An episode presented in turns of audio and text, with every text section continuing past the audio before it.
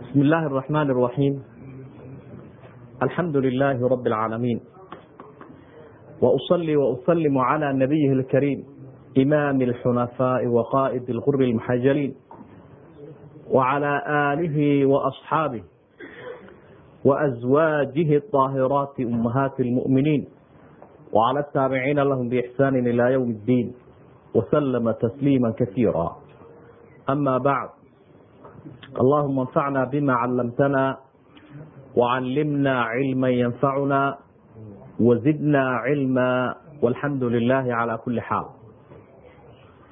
dariskii fiqiga ahaa ama axkaamta ahaa ayaynu ku dhex jirnay gaar ahaan nidaamkii mucaamalaadka ama la xidhiidhay dhaqaalaha iyo sida uu islaamku u waa heshiisyo kala gaargaara oo midibo dhinac khusaynayo heshiisyada kala duwan midibo dhinac buu khusaynaya marka sida sharcigu uu u qoray heshiiska ama u tilmaamay ayay tahay inaynu inaguna u tixgelino ila ilaahay baa wuxuu ihi ina hada alqur'aana yahdi lilatii hiya aqwam qur'aankani mar walba dadka wuxuu ku hagayaa xaaladda toosan dhinac kasta oo nolosha wax laga yidhaahdo oo ay ka mid tahay dhinacan mucaamalaadka iyo wada dhaqanka bani aadamka. Lilatii hiya aqwam dhinaca qoyska lilatii hiya aqwam dhinaca siyaasadda iyo hogaaminta lilatii hiya aqwam gees walba kolka la ego xayaatada iyo nolosha. Waxaa halkan aynu wax yar ka odhanaynaa alwikaala washarika walmusaaqaatu walmusaaraca waa dhowr baab oo kamida baababka fiqiga. Halka uu halkan sheekhu u tilmaamayaana waxa weye siyaabo koob kooban oo la odhan karo waa tilmaanta baabka iyo tacriifkiisa siduu qofku fikradun uga qaato. Ta u horeysa alwikaala ficaala iyo facaala labadaba waa jiraa wikaala islaamku waxa uu ogol yahay qofku wixii uu qabanayo. Inuu isagu qabsadona waa la ogol yahay. Inuu cid u wakiishana waa la ogol yahay. Wakaaladaasi qowlna way noqon kartaa qofkan uu ku siiyo. Qoraalna way noqon kartaa. Uu ku bixiyo idhaahda hebel isaga iga wakiila. Waaya malaha inaguba dee wakaalad un baynu nidhaahnaa. Ereyada qaarkooda waxaa jira dee af soomaaligii iyo af carabiga si un isugu mid noqdeen oo hebel isaga iga wakiila. Ayuun baynu inta badan. Iska nidhahnaa wax iska macruufa weeye. Wakaaladu tilmaanteeda waa taa weeye camal aad qaban lahayd oo cid u dirato laakiin hal qaydun baa ku xidhanoo waa inuu sharcigu ogol yahay. Oo waxyaabaha qaarkoodna waa la isu wakiishaa waxyaabaha qaarkoodna laa tasixu lwakaalatu fiiha. In la isu wakiishaa ma ansaxayso. Marka labadaa qudhigooday tahay inaad kala ogaato wixii wakaaladu ay ku ansaxayso iyo wixii aanad cid wakiilan karaynin. Marka hore mashruucnimadeeda ama waxaani wax jira inuu yahay waxaa cadaynaya rasuulku sala allahu calayhi wasalam asxaabta wuu wakiilan jiray. Oo wuxuu u wakiilan jiray howlaha caamka ah iyo howlaha khaaska ah labadaba. Labadaba u wakiilan jiray.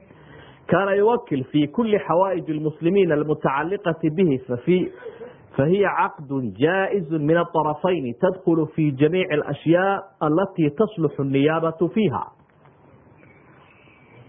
Nabigu calayhi salaatu wasalaam arima fulinta asxaabtu u wakiilan jiray. Wuxuu odhan jiray hebelow adiga iga wakiileen.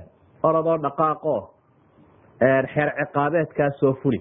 Sidii anas ba gabadhii sinada qirata wuxuu hi anasow adaa iga wakiilehe aroorta ka lahoo hadday qirato dee soo fuli xeer ciqaabeedkii. Asxaabta qaarkood waxa u diri jiray sekada iyo qaybinteeda. Ayuu u diri jiray.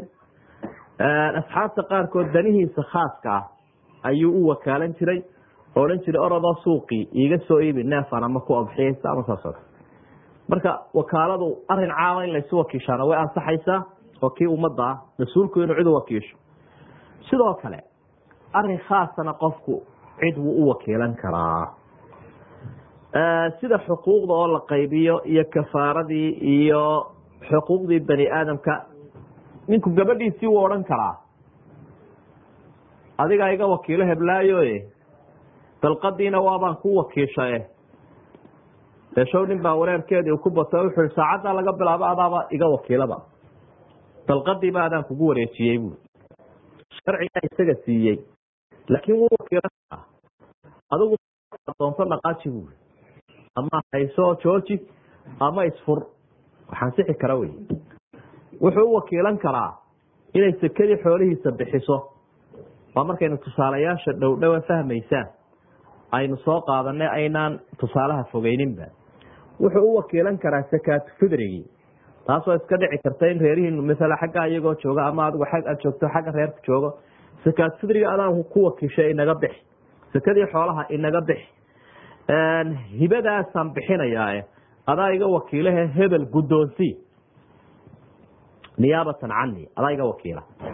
Marka qofku wixii uu iibinayo wixii uu bixinayo wixii uu tallaabo qaadayo cid wuu u wakiilan karaa.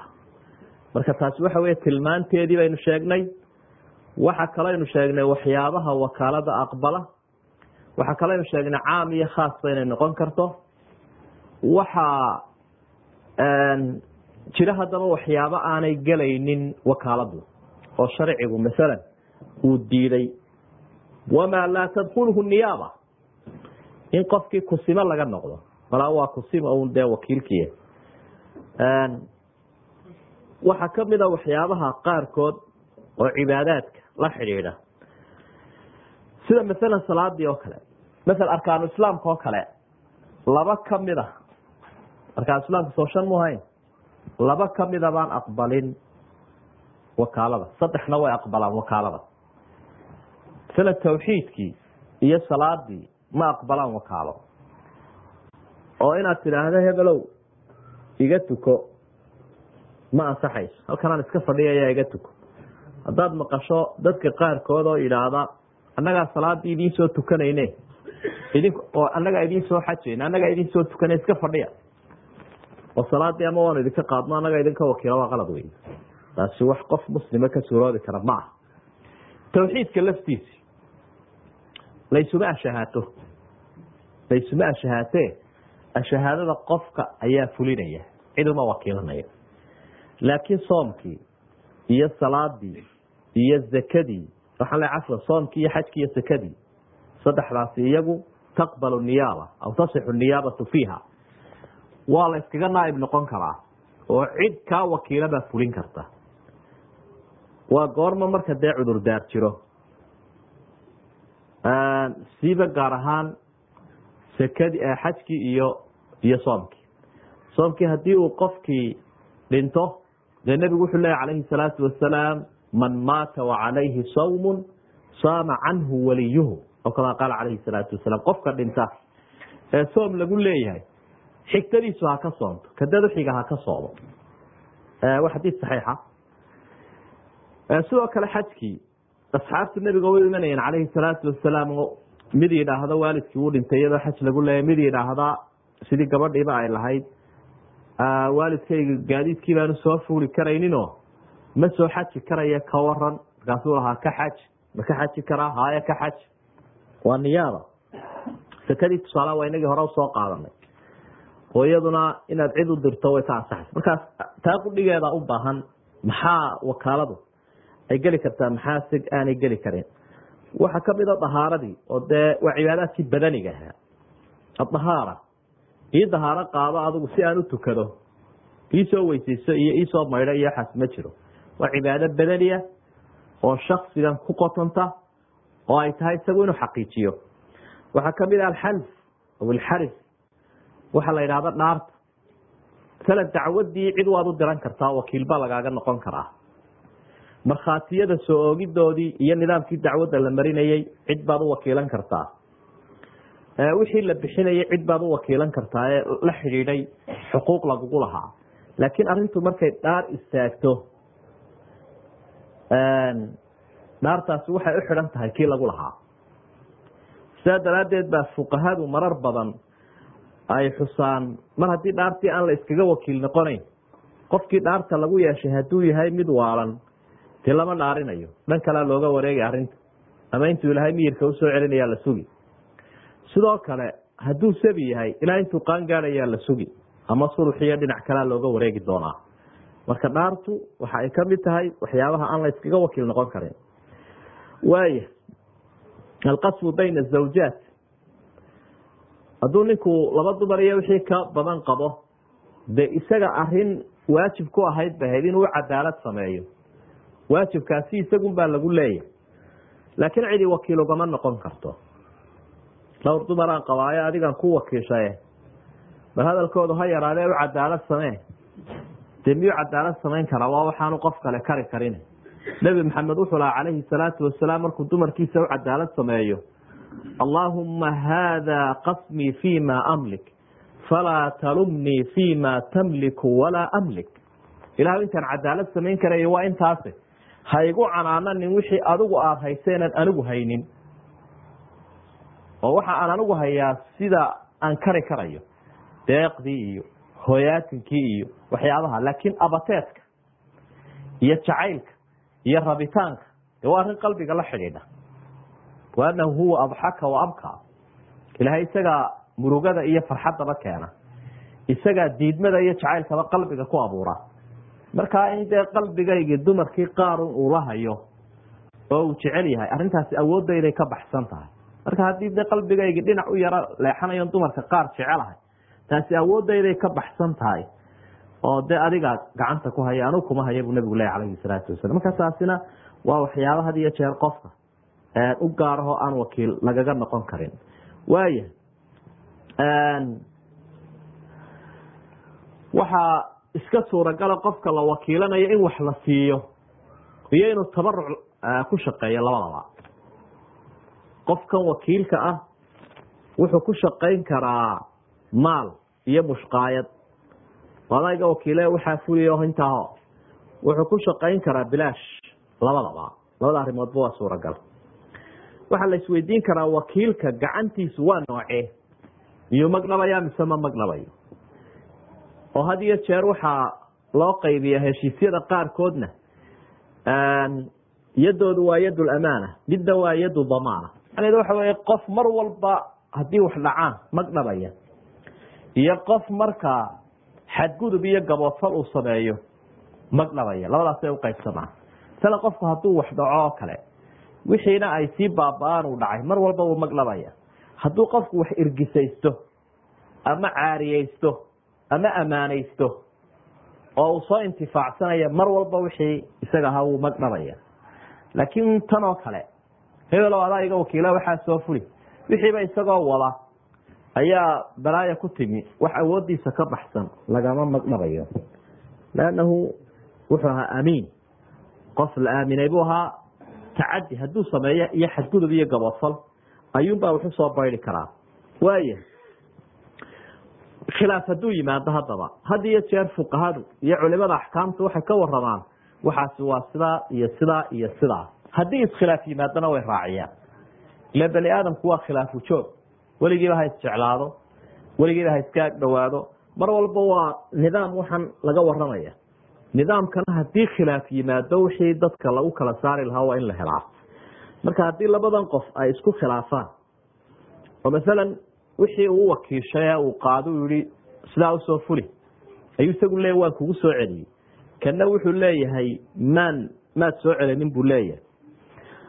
Lam yuqbal ila bibayina waa in markhaati jiraa haddii markhaatigaa la waayana waxaa la dhaarinayaa un wakiilkii. Yadiisu yad amaan ahayde qubila qawluhu biyamiini. Arin wixii isaga ahaa hebelow waan kugu soo celiyey inaad igu soo celiso markhaati keen. Haddii markhaatigii la waayana waa dhaar nabigu calayhi salaatu wasalaam arrintan isagoo ka waramaya waxau ihi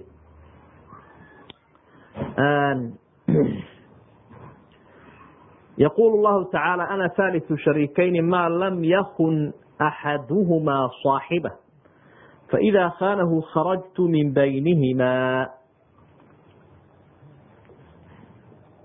waxaad moodaa inuu daliil u yahay shurkada iyo shariignimada labada qofa shariiga ah ee wax wada leh anigaa sadexaynaya baa ilahay wy haddii midkoodka kale aanu khiyaamaynin meesha haddii khiyaamo timaado dhexdooda waan ka baxayaabaa ilahay wy manaa xadiidku kolka si loo eego waxa uu dhiiri gelinaya horta dadku inay wax wada yeeshaan. Wuxuu dhiiri gelinayaa in runta la sheego. Wuxuu dhiiri gelinayaa khiyaamada in laga fogaado. Dadkii wax wada lahaa ilaahay baa wuxuu leeya anaa u helinaya. Nicmo weyn wey inuu ilaahay dee iska qoomihi. Oo dadku had iyo jeer inay kala socdaan inay wada jiraan baa ayaa mar walba islaamku ka doorbidaya oo xataa dhaqaalahoodii iyo wax soo saarkoodii iskaashiga iyo wada jirka awood badan buu marxiyaa iyo tamar badan. Oo waa idinka arkada wadankan aad joogtaan. Dee waxyaabaha uu ku horumaray waxaa kamida shuraakada.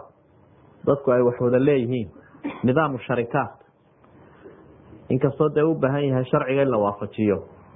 Marka shurkadaasi sidaasaa ilahay ui dadka wax wadale anigaa wehelinaya haddaan khiyaamo dhicin haddii khiyaamo ay dhacdana dhexdooda waan ka baxaya. Meel ilaahay uu ka baxayna kolle shaydaan baa soo galaa wanacuudu billahi min dalik waaya shuraakadu waxaynu macnaha halkaa kaga soo baxnay wakaaladii iyo shuraakadii wey tan aynu haynaa dadku ay wax wada yeelanayaan. Waa heshiis jaa-izu طarafayn baa la idhaha labada qof ama dadka shuraakoobay mid waliba ikhtiyaar buu leeyahay iminka had iyo jeer nidaamkan aynu u dhaqano iyo siyaabaha aynu waxu soo saarnaa wuxuu isaga badan yahay nidaamka shuraakada. Ayaa marar badan dhacdo. Dadku in imika way soo baranayaano waxbaada iska wada yeesho. Soomaalidu dadka shuraakada aada ugu litay ka mid ahaa waktiyadii hore laakiin imika aad moodaa in ay soo baranayaan. Oo waxyaabaa udiidaya waxaa ka mid ahaa dad iska reermiyaba had iyo jeer ahaayeeno qofka baadiyahayna wixii soo dhami gooni bay u ahaayeen. Reerkiisa iyo xaafadiisa iyo marka haddii dhowr aqal wada degi jireen oo ay isyaro seegaan qof waliba wuxuu xal ka dhigi jiray inuu jes noqdo jes ama gaar u dego way kala guuri jireen qofku goortuu saaminaya iyo goortuu xoolihiisa war aroorinaya iyo meesha uu degayo isaga xor u ahaa. Marka nolol keli socod ku salaysan bay iska ahaan jirta saa daraadeed waa waxyaabaha in badan hor joogsada shuraakada haddii ay shuraakoobaanna marka ay isqabsadaan xal wuxuna ka dhigaan de ina kala kaxee maxaynu islaana wixii isugu keen jiray macnaa ansaxna lama idhaahda iyo khaladku halkuu ka yimi yaan toosinama kala maarmayne. Laakiin waxaa la idhaahdaa un dee waxba murmi maynayna kala saar marka dadkii isku wanaagsanaaye meel wanaagsan waxoodu marayeenoo kala baxay way kala baxeen way kala baxeen baad maqlaysa waa nolol halkaa ku sii salaysan shuraakadu labada qof ee shuraakoobaya sharci ahaan waa inay khasaaraha iyo faa'iidada wada yeeshaan haddii khasaara yimaadana way wada leeyihiin haddii faa'iida timaadana way wada leeyihiin nisbada maalkoodana way ku wada leeyihiin macnaha siday u kala maal badan yihiin. Iyo dabcan khasaare iyo faa'iidadiiba ay u kala badanayaan. Sidaa caqligu uu keenayo ayuunbuu sharciguna ayuunbu odhanaya shuraakadu waa qaybo. Markaynu si koob kooban u dul marno mid waxaa la yidhaha shirkatulcanaan shirkatulcanaan xoolaa la darsaday. Masalan laba kaash baa la darsaday. Shirkatulcanaan baa adiguna xoolaad keentay kaash ana kaasho waa la isku daray. Wasaynu badan. Mid waxaa la yidhaha shirkatulmudaaraba xoog iyo xoolaa la daray. La fahmaya? Xoog iyo xoola see la daraya? Waa nidaam ilaahay uu ku bedelay ribada. Oo baasha ribada la idhaahdo markii islaamku uu xaaraantinimeeyey ayaa la jideeyey mudaarabada. Waa wada shaqaysi xoog iyo xoola in lagu wada shaqaysto waa arrin bedel ka ah. Halkii aada odhan lahayd war maalkaygii hebel baa qaaday. Waxaanaan doonayaa inaan wax ka helo. Dulsaar baan saaraya. Halkaad ka odhan lahayd ayaa islaamku taa xaaraantinimeeyo badiil buu u sameeyey macnaha wuxuu ku bedelay nidaamkan mudaarabada la yidhaahdo oo maadaama waxaagii cidi ay qaadayso ciddaasi inay xooggii yeelato adiguna aada xoolihii yeelato qofkaasi uu ku shaqeeyo wixii ka soo baxana kala qaybsataan. Marka halkaad dulsaar ka saari lahayd faa'iidada wax ku yeelo faa'iidada wax ku yeelanaysa marka taa macnaheedu waxa weeyaan waa badiil bay mudaarabadu ka tahay. Waa shay uu islaamku ku dooriyey ribadii. Ribadii buu ku dooriyey waa siduu nebigu kula shaqaysan jiray calayhi salaatu wasalaam. Tijaarada habku ugu hawlgeli jiray nebigu taajir buu ahaa. Habku ugu hawlgeli jiray bay ka mid ahay mudaarabadani. Isaguna xoog buu lahaa. Allaha ka raali noqdee xaaskiisii khadiija bintu khuweyli miweynadiisii iyaduna waxay lahayd xoolaha. Waa kii dabeetana ka soo iibin jiray sham sidaa ay ku wada tijaaraysan jireen waxa soo baxa beersan nisbaday ku kala qaadan jireen ay ku heshiiyeen. Marka taasina waa sharikatu lmudaaraba sharikatu lwujuh ayaa iyaduna jirta. Weji la isticmaalo. War adigu wejigaaga waxaad ku soo heshiiye wejigayga waxaan ku soo helo. Oo macnaheedu waxa weeyaan adigu masalan wixii aada soo amaahatay ama wixii lagugu soo aamino inagoo isticmaalayna sharafteenna iyo ammaanadeena dee waynu isku darsanayna waaya shirkadda waxaa kamida sharikatu labdaan shirkadda jirka la xidhiidha. Oo way dhacaysay asxaabta qaarkood inay yidhaahdeen war dagaal baynu hebelow gelaynaaye. Dee marka aynu la kala food qaado haddaynu noolaano wixii khaniimad aynu soo helno dee ma isku darsanaa ma ku shuraakownaa waa ku shuraakoobayna waa xamaalintii iyo dilaalintii iyo idhaahdo war dee waynu shaqo tegaynaa iyo waa iska suuragal inaynu labadeenuba shaqo helo. Inaynu weynaano waa iska suuragal. In midkeen shaqo helaano waa suuragal. Marka haddaba wixii aynu soo helo dee ma isku darsanaayo calafkeena ma midaynaa iyo ha sharikatulabdaan waa wixii muruqa iyo xoogga lagu soo saaraya labada qof isku darsanaya. Marka mararka qaarkood bay dhacaysaa. In midi wax soo helo midna faramadhnaan ku yimaado u soo qabo ama way ugaar tegayaanba kolkaas war intii midkeen qabi lahaa. Midi waxa uu soo helo ma isku darsanaa ama haddii an labadeenuba soo helo sharikatulabdaan baa laydhaha waaya sharikatu lmufaawida mufaawada ayaa iyaduna jirto aljaamica lijamiici dalik intan oo dhan way koobsanaysa macnaa tafwiidku waxa wey arrimihii qofku ballaadiyo la yidhaahdo haddaynu wax soo amaahano sumcadaada wax ku soo amaatiyo wejigaaga waa wada leenahay wixii aad soo shaqaysa waa wada leenahay wixii tijaarada waynu wada leenahay. Dee laba nin oo dumarkuunu kala soocan yihiin baynu nahay. Arrimaheena o dhan waa isku darsanayna mufaawada shirkadahan o dhan way jimcinaysa madaahibtu way isku khilaafsayeen masalan madhabta shaaficiyadoo kale waxa ay tilmaamaan taa maalku in la isku darsanaya inay bannaan tahay laakiin aimada in badan oo ka mid ihi sidaa uu sheekuba sheegay wa kulluhaa jaa-iza waa iska wada banaan yihiin buui oo sideedaba nidaamkan mucaamalaadka had iyo jeer wixii aan daliil cad khilaafaynin maslaxadda addoomahana xaqiijinaya nidaamkan wada dhaqanka iyo wada tijaaraysiga iyo mucaamalada waa la ogolya waxba la sii ciiri maayo. Kol haddii maslaxadii addoomuhuna ku sugmayso daliilu khilaafayo iyo usuusha shareecadda iyo akhlaaqiyaadkeeda wuxuu khilaafaya kol haddii aanu jirin. Waxa kharibi kara un shuraakada noocana dulmi iyo garar wa yufsiduha idaa dakalaha dulmu walgarar dadkii shuraakada ahaa waxaa shardiyahun inaan la isdulmiin iyo inaan la istagin ayuunbaa shardiga iminka xagga iyagaa waxa ka jirta meel laga keenay ma garanaye baryahan dambe su'aalahoodu nagu badan yihiin in uu qofku odhanayo uun hebel baa wuxuu igu yidhi lacag intaa la ekeen bishiina qadar intaa la eg iska qaado. Adigoon waxba kaa khusaynin khasaaraha iyo faa'iidada midna. Tusaale kun dollar keen bil walba adigu boqol dollar iska qaado. Ama anigaygan kaa qaaday aan khasaaro ama aan faa'iido. Taasi maxaa loo fahmi karaa? De haddii wuxuu loo fahmaya waxaa loo fahmayaa amaah dulsaarle amaah dulsaarle baa loo fahmayaa kun dollar ee amaahiyo bil walba aan kuu saaro boqol dollar baa loo fahmi karaa heshiiskan caqadka noocaas. Ilan shuraako maaha oo shuraakadu khasaariyo faa'iday lahayd. Mudaarabo maaha oo mudaarabadu khasaariyo faa'iday lahayd. Kol haddii meeshii khasaariyo faa'iide aan la wada yeelanayn ee qof wax go-an uu yeelanayo weliba qofkii wax laga qaaday wax go-an uu yeelanayo baabkii ribaday soo gelaysa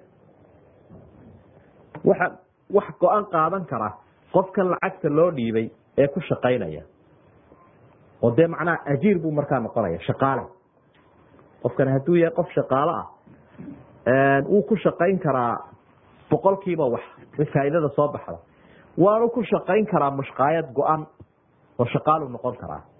Laakiin kii lacagta laga qaado in la yidhaahdo adigu bil walba ama sanad walba wax go-an yeelo.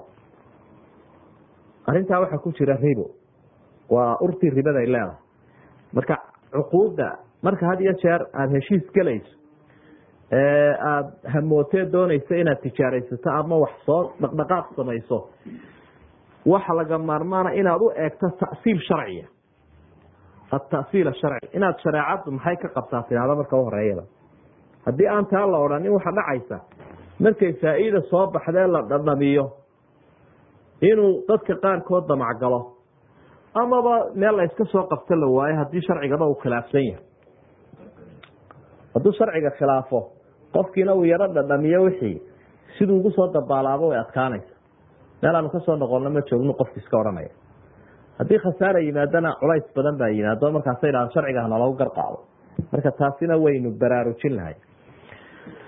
Waaya kaan yakuuna liaxadimaa ribxun ribxu waqtin mucayan walilaakhari ribxu waqtin mucayan aw ribxu ixda silcatayni wa ixda safratayn wamaa yushbihu dalik tusaale wuxuu ku bixiyey masalan shuraakadii goortay qalad noqonayso dulmi iyo kada dulmi uu gelayo la isku suldaari karayo waxa weeyaan in si khalada loo fikiro u yidhaahdo hebelow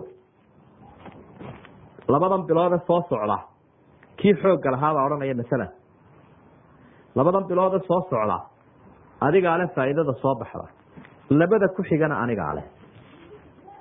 Ama wuxuu yidhiba laba safar baan diyaarinayaae safarka hore en dubay ka keenayo faa'iidadiisa adigaa leh. Safarkan africa ka keenayna faa'iidadiisa adigaa leh. Waa tusaale waaya ama waxaabu sheegayba wakti mucayana meel mucayana iyo wakti mucayana iyo alaab mucayana sidaa in la sheegaa waa qalab marka u horeysa maxaa kugu soo degdegaya? Caqligaaga. Caqligaaga waxaa kugu degdegaya oo haddii la waayana taasaa kolkiiba soo degdegaysa.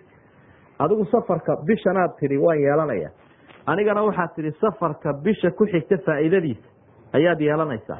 Haddii kaygii bisha faa'iidaba la waayo ka war oo kaagii un faa'iide uu yeesho. Ama kaygii uu faa'iide yeesho kaagii uu faa'iide yeelan waayo. Dee jawaabtu waa maxay de waxa weye mid ha qabo midna umu iman qadoodin labadooda ee mid waliba inuu xalaabo u yimi. Waa isqabsigu halku ka bilaabaya wey asalkii isqabsiga wey iyo muranka taasaa la joojinaya markaa waaya waktigii nabiga calayhi salaatu wasalaam ayaa waxaa dhacaysay dadkii beeralayda ahaa ee reer madiina. Beeraha dadka leh iyo shaqaalaha ayaa hadbay u wada shaqaysan jireen waxa masel uu odhanayaa ninkii beerta lahaa waar beertii ka shaqee meelaha taagtaaggaa waxa ka baxana adiga ayaa leh. Meelaha godka ah waxa ka baxana anigaa leh. Oo maadiyaanaadka iyo aqbaal iljadaawil waa meelaha godgodan. Iyo jadaawishuna waa mahali ay biyuhu soo marayeen takaariyadii iyo maxaanku idhahdaa meelaha godgodan wey ha kanaalkaa yar godadkaa biyuhu soo marayaan halkaa godan wixii ka baxana adaa leh. Halka taagan waxa ka baxana anigaa leh. Ninkii beerta iyo kii shaqaynayabaa sidaa ku heshiin jiray. Waxaa dhacday mararka qaarkood in roob weyni do-o meeshii godnayd biyihii ku fadhiistaan waxbaba ay ka bixi waayeen oo wixii ka bixi laha ay baaba-aan. Oo halka taagga ah wixii ka baxaya uu laydh helo. Dabeedna wax wanaagsan ay ka baxaan mararka qaarkoodna waxa dhacday in roob yaroo koobani uu da'ay dabeetana uu anfacay meelihii godka. Meeshii taaggahaydna ay biyaba weydo wax ka bixi waayeen laba jeeraba inuu ninuun qabo oo marna caamilkiibaa qabay kii xoogga lahaa shaqaynayay. Oo beertiiya wax soo saarta wax laga helay bu afka dhulka ku dhufta oo isagii waxba waayay. Marna ninkii beerta lahaabaa qaday oo dee ninkii shaqaynayunbaa helay isqabsigaasaa bilaaba markaa nabigu wuu diiday calayhi salaatu wasalaam yahliku haada wayaslam haada wayahliku haada wayaslam haada macnaheedu waa caynkaa markaasaa wuxuu yihi waar qofka labada qof ee kala shaqaysanayo shay macluuma kala qaata oo maxay mushqaayad mushqaayad kala qaata oo waxaad tidhaahdaan mushqaayad intaa lee ka qaata hebel masalan shaqaalahay waar shaqeeyo lacag intaa lee qaado waa qodob ama shaqeeyo wixii ka soo baxa aan kala qaybsano haddii toban jawaan soo baxaan shan iyo shan. Sidaasuu nebigu calayhi salaatu wasalaam qoladii yuhuudda ahaa ee reer khaybar ula dhaqmayey reer khaybar waa khaybar de waa meel waqooyiga ka xigta madiine oo ilaa boqol iyo konton kilomitr meelahaasi waqooyi ka xigta baan malay ugu dhowaan. Marka nimankii yuhuudda ahaa markii laga fadhiyi waaye islaamkii la dagaalameen ee cadowgii u soo raaceen waa kii nebigu la dagaalamay meeshii ka xoreeyey. Soo jeedin bay keeneen talay nebiga u soo jeediyeenoo waxay idhaahdeen meeshii dee haatan oo nalaga faramarooji wixii aanu xoolo xoolo lahayn oo dee ka hadhna dooni mayno xoolo. Laakiin soo jeedinta iyadu waxa weeye beeraha annagaa naqaana sida wax uga soo baxaanoo dee gacanta aanu ku hayn jirno aan ka shaqayna beeraha. Idinkuna beeraha yeesha haddaa muslimiinta aad tihiin ila waa qaniimada u hadheen. Haddaba anaguna aanu xooga yeelano wixii soo baxa aan kala qaybsano u aqbalay nebigu calayhi salaatu wasalaam ilaa maslaxadda muslimiintu eegayahay. Oo dadka muslimiinta intay halkaa tagaan ka shaqaynteeda iyo beertan afgarashadeeda waa laga yaaba inay ku waxba ka keeni waayaan. Marka wuxu i ka shaqeeyo. Wixii ka soo buxun baynu kala qaybsan doonaa. Marka taasoo kale waa arrin saxa oo jirta. Waaya musaaqaadku isaguna wuxuu la xidhiidhaa uun waa midhihii la waraabinayo geetimireedkii iyo iyo cinabkii waxa ku sii xiga baabka ah ixyaa ulmawaat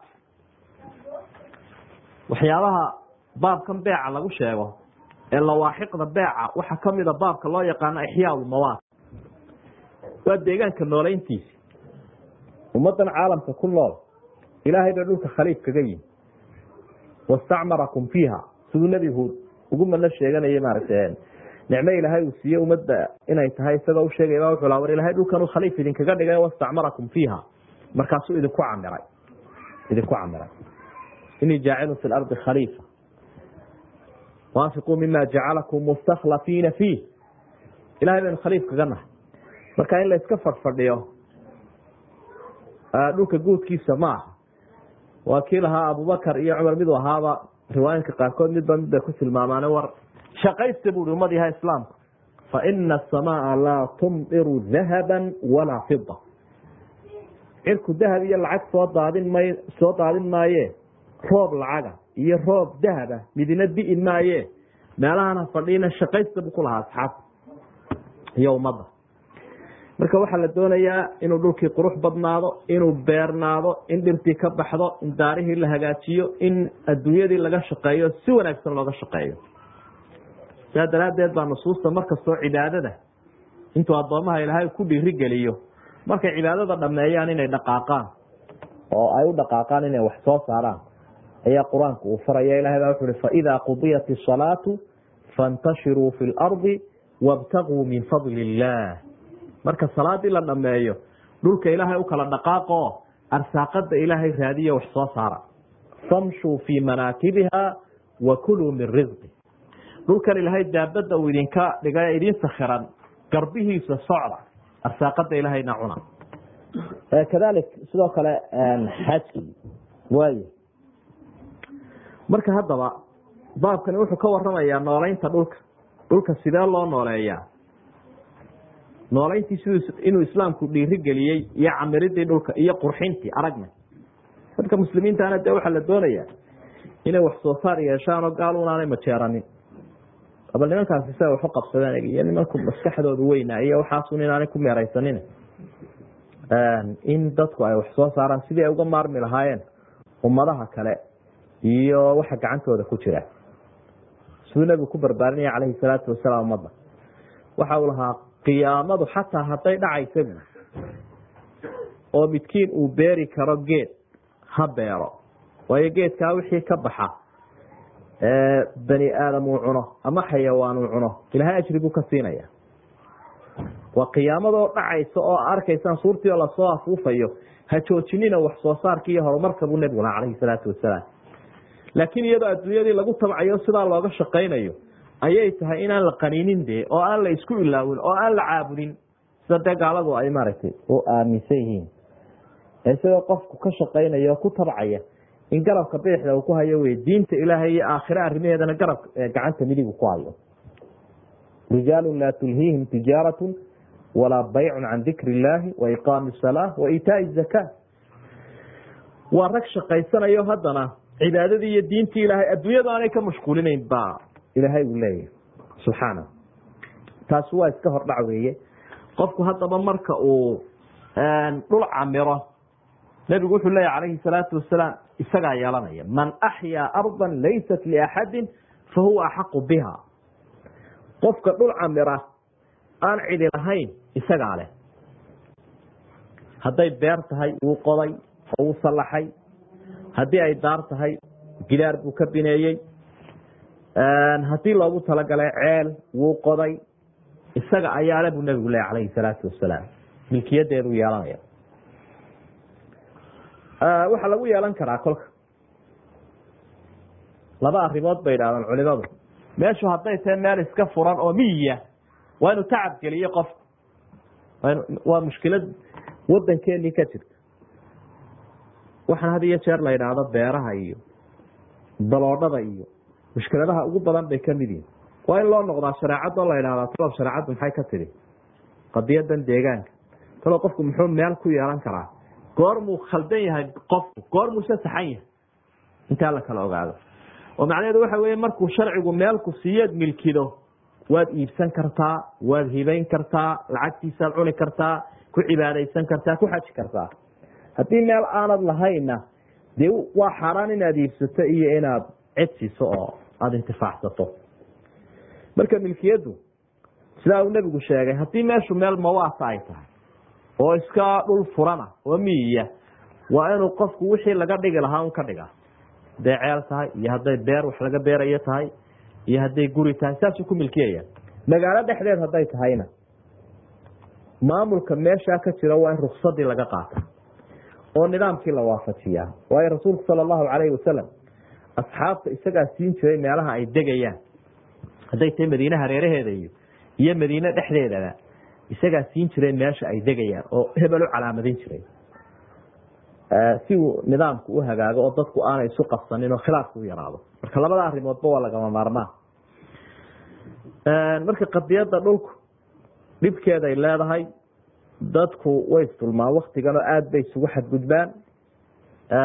Adiga arko mushkilada muslimka haysataaba dhul bay u badatay.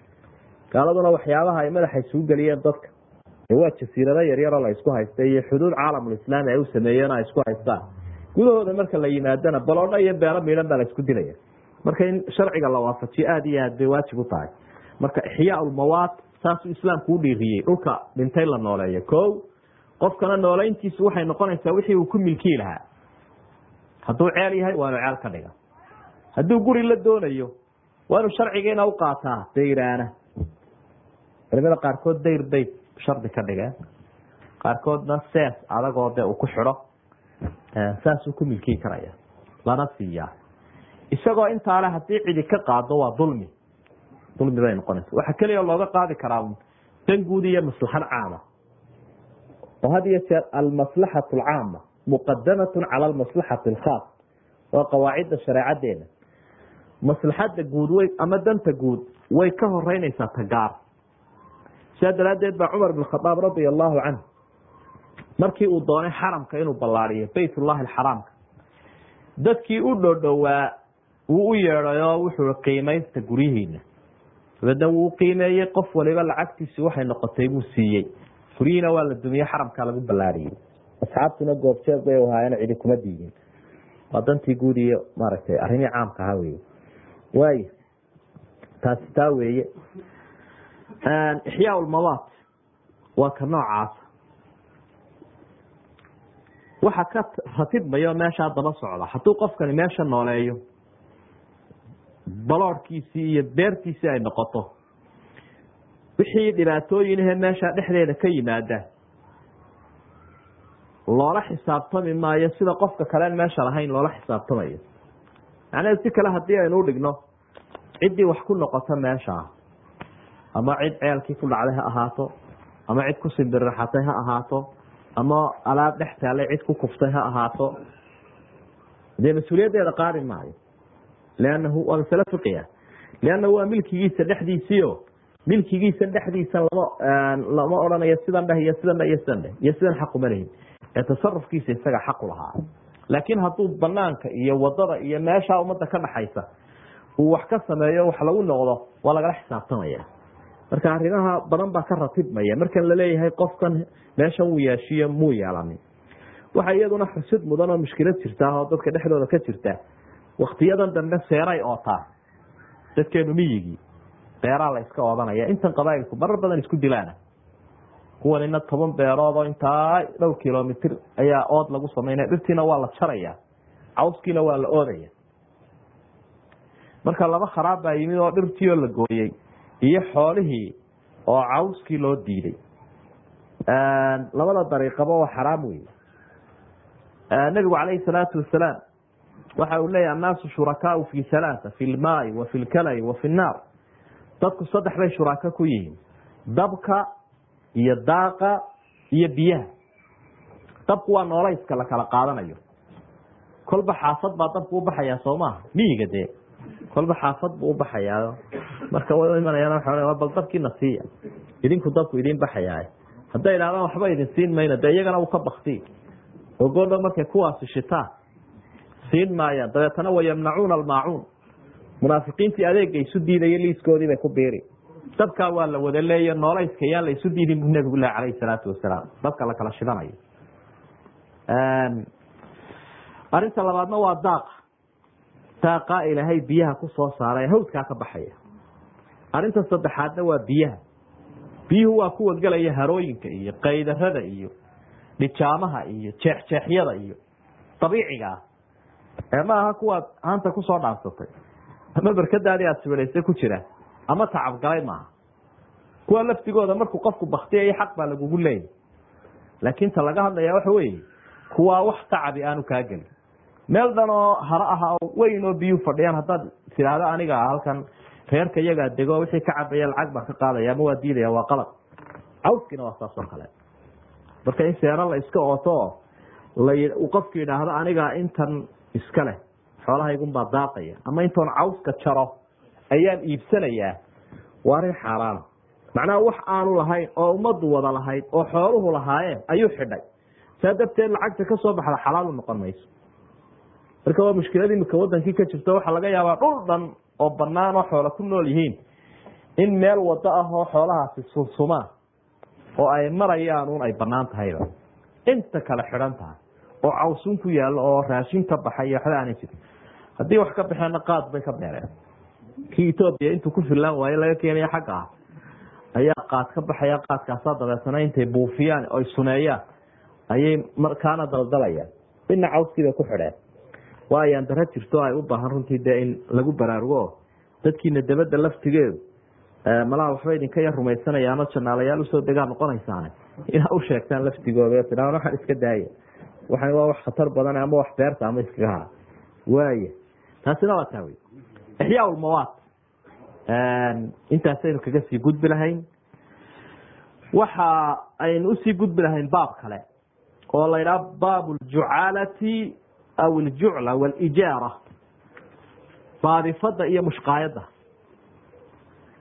baadifada iyo mushqaayad talaaf soomaali ma yihiin waay baadifadu dee malaa dadkii baan wada garanaynin waxa weeye shay baadiyahoo maqan ayaa waxaa tiri war qofka soo hela intaasuu leeyahay waryaalihan ragoo maqlabaad ogeysiis baad idaacadda ka sii daysay ama joornaalka ayaad ku qortay ama meelahaasaad ka sheegto fariin baad ku dhiibto waxaa tidhi alaabaa iga maqan oo iga luntay ama xoolaa iga lumay waxbaa iga baxsaday qofka soo helaa intaasuu leeyahay.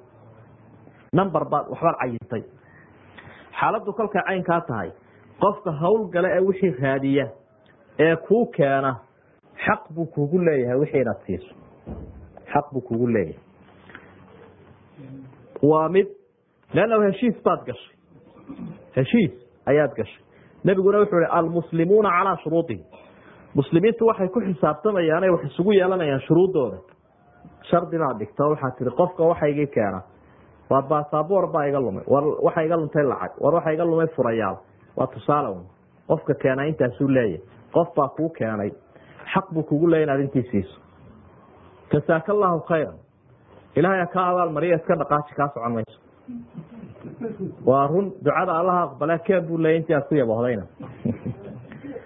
afar faatixo qaada haddaad tidhaahdo iska raalli haw afarta faatixana guddoomay adduunkii aad cayintayna keen wey waay taasi waa taasoo waxaa la yidhahdaa baadifad baa loo yaqaana waryaa baadidaydii keenayo baadidii bariday oo aan intaas siiyaabay odhan jiray reer miyigu.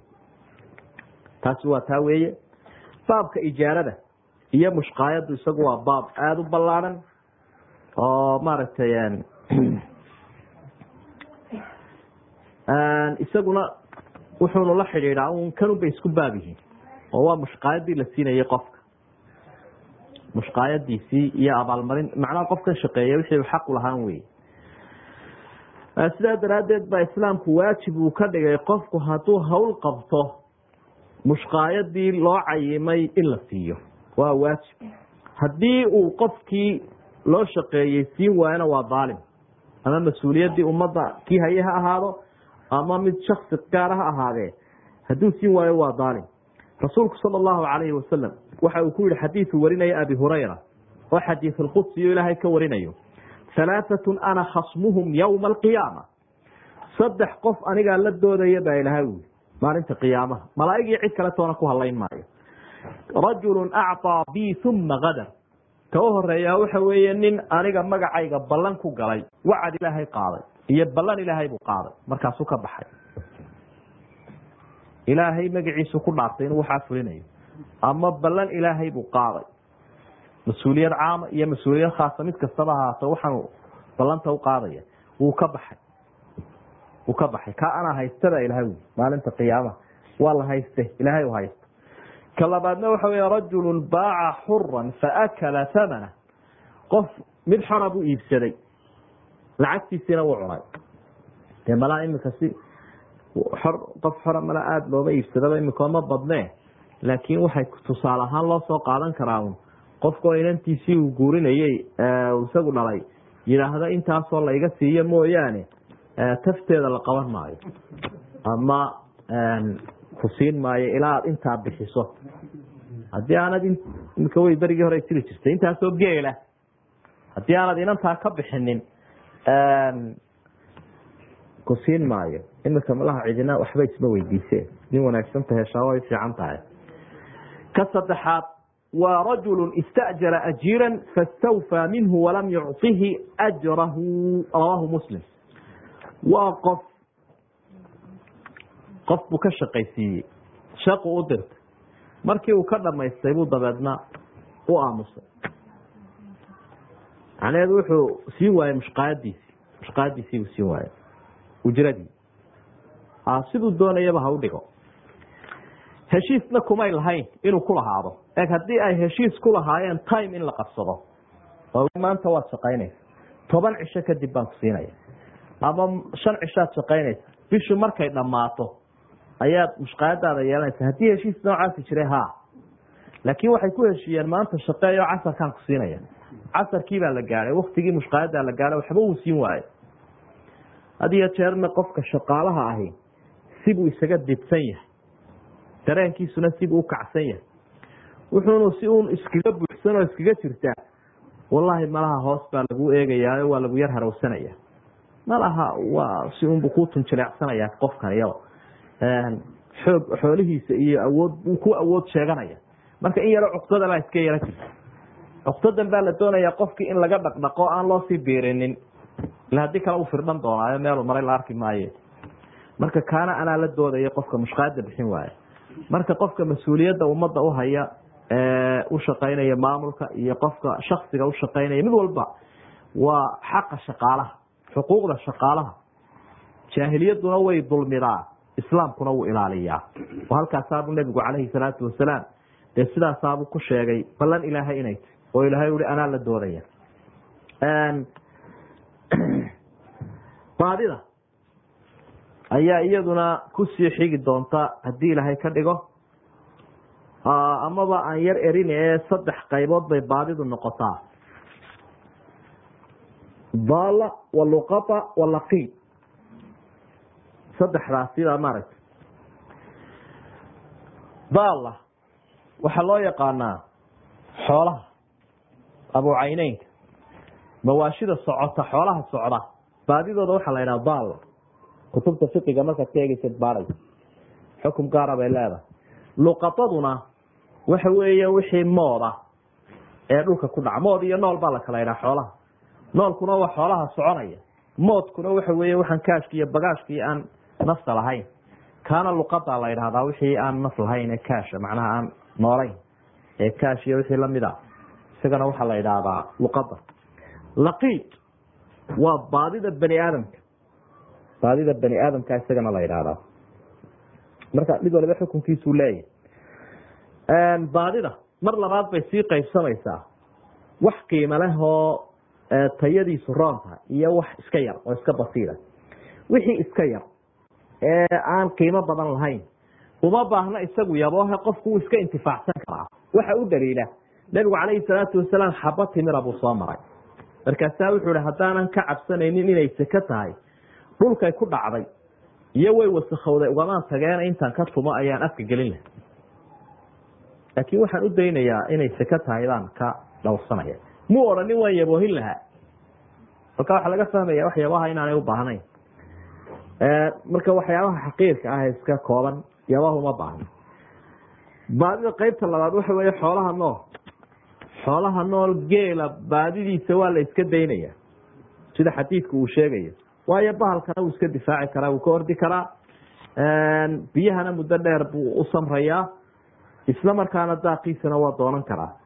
Baadida ariga nebigu wuxuu yihi calayhi salaatu wasalaam laka aw liakhiika aw lidi'bi baadida ariga ka waran baa la yidhi wuxuu ihi dee ama adaa kaxaysan ama walaalkaabaad u kaxayn ama bahalkaa cuni. Bal hadda ikhtiyaaraadku options buu nebigu sameeyey khiyaaraad markaasaa wuxuu leeyahay baadida arigaadi weydiisay soo maaha tii geela wuxu ihi iska dah ha kaxayni tii arigana wuxuu ihi ama adaa qaadan oo kaxaysan ama walaalkaabaad u kaxayn ama bahalkaa cuni. Adigu maxaad yeeli lahayd markaa? Dee laba laba khiyaar baa kuu furan midna kuma furna inaad tidhaahdo bahalku ha cuno arrin maaha. Ee ama walaalkaa ukaxeeya uxafid ama adigu iska intifaacso hadhow markuu yimaado kala xaaq labada khiyaaro furan waa kaa. Waaya taas weeye labadaasi waa qeyb waxaa soo raaca baadidii moodka ama aan idhaahna ee wixii aan xoolaha ahayn. Nebigu wuxu uhi calayhi salaatu wasalaam waxaad aqoonsataa buri cifaasaha wa wikaa'aha uma carifaa sana hilaygeeda iyo calaamadaheeda iyo weelkay ku jirta aqoonso oo si wanaagsan u garo. Shandaday ku jirta iyo calaamaday leedahay garo. Kadibna yaboohi sanad. Macnaha sanad waa marka shaygu weyn yahay. Hadduu yar yahay shay walba inta lagaga samri kara bay idhahda fuqahadu. Ee uu kaga samri karo qof lexejecladiisu caadiga tahay qof lexejecladiisu caadi tahay maxaa looga jeedaa? Dadka qaar oo lexejeclo xun baa jira. Oo laga yaabo kun shil inuu muddo u baroorto. Waxaa laga yaaba qof muhaniyahoo deeksiya oo wixii muddo lix bilood lagaga samri lahaa isagu shan cisho kaga samraya. Labadaa midna la qiyaasi maayo dadka dhexdhexaadka lagu xisaabtamaya. Waaya marka baadida arrinkeediina yaboohda waa inaad yaboohiso. Sida loo yaboohinayaana waa sidii uu ku heli lahaa qofkani. Adoo sirteedana ilaalinaya adigu aqoonso wixii ku xeeran oo dhan si qofkani hadhow hadduu yimaado aada sheego u tidaahdo wixii ku xeeran aqoonso laakiin yaboohi midbaad yaboohinaysa. Sidii uu u ogaado qof waxaa laga yaboohin karaa idaacadda waxaa laga yaboohin karaa jaraaidka waxaa laga yaboohin karaa meeshii ay ku luntoo board laga taago. Wixii la maaragtay telefoonkaagaad u sheegi. Calaa kullin si qofkiina u soo dhowaado waxna ugu baaqi noqdaanoo bal sheego aada u tidhaahdo ha dhowto. Iyada oo aada markhaatiyaal u samaynayso iyada oo marka ay habboon tahay si aan dadku isu qabsan oon la khilaafin. Marka nidaamku wuxuu yahay marka had iyo jeer qof sheegto in cid markhaatiyaal ay kula joogto. War bal sheego waa caynkaa iyo caynkaa iyo caynka.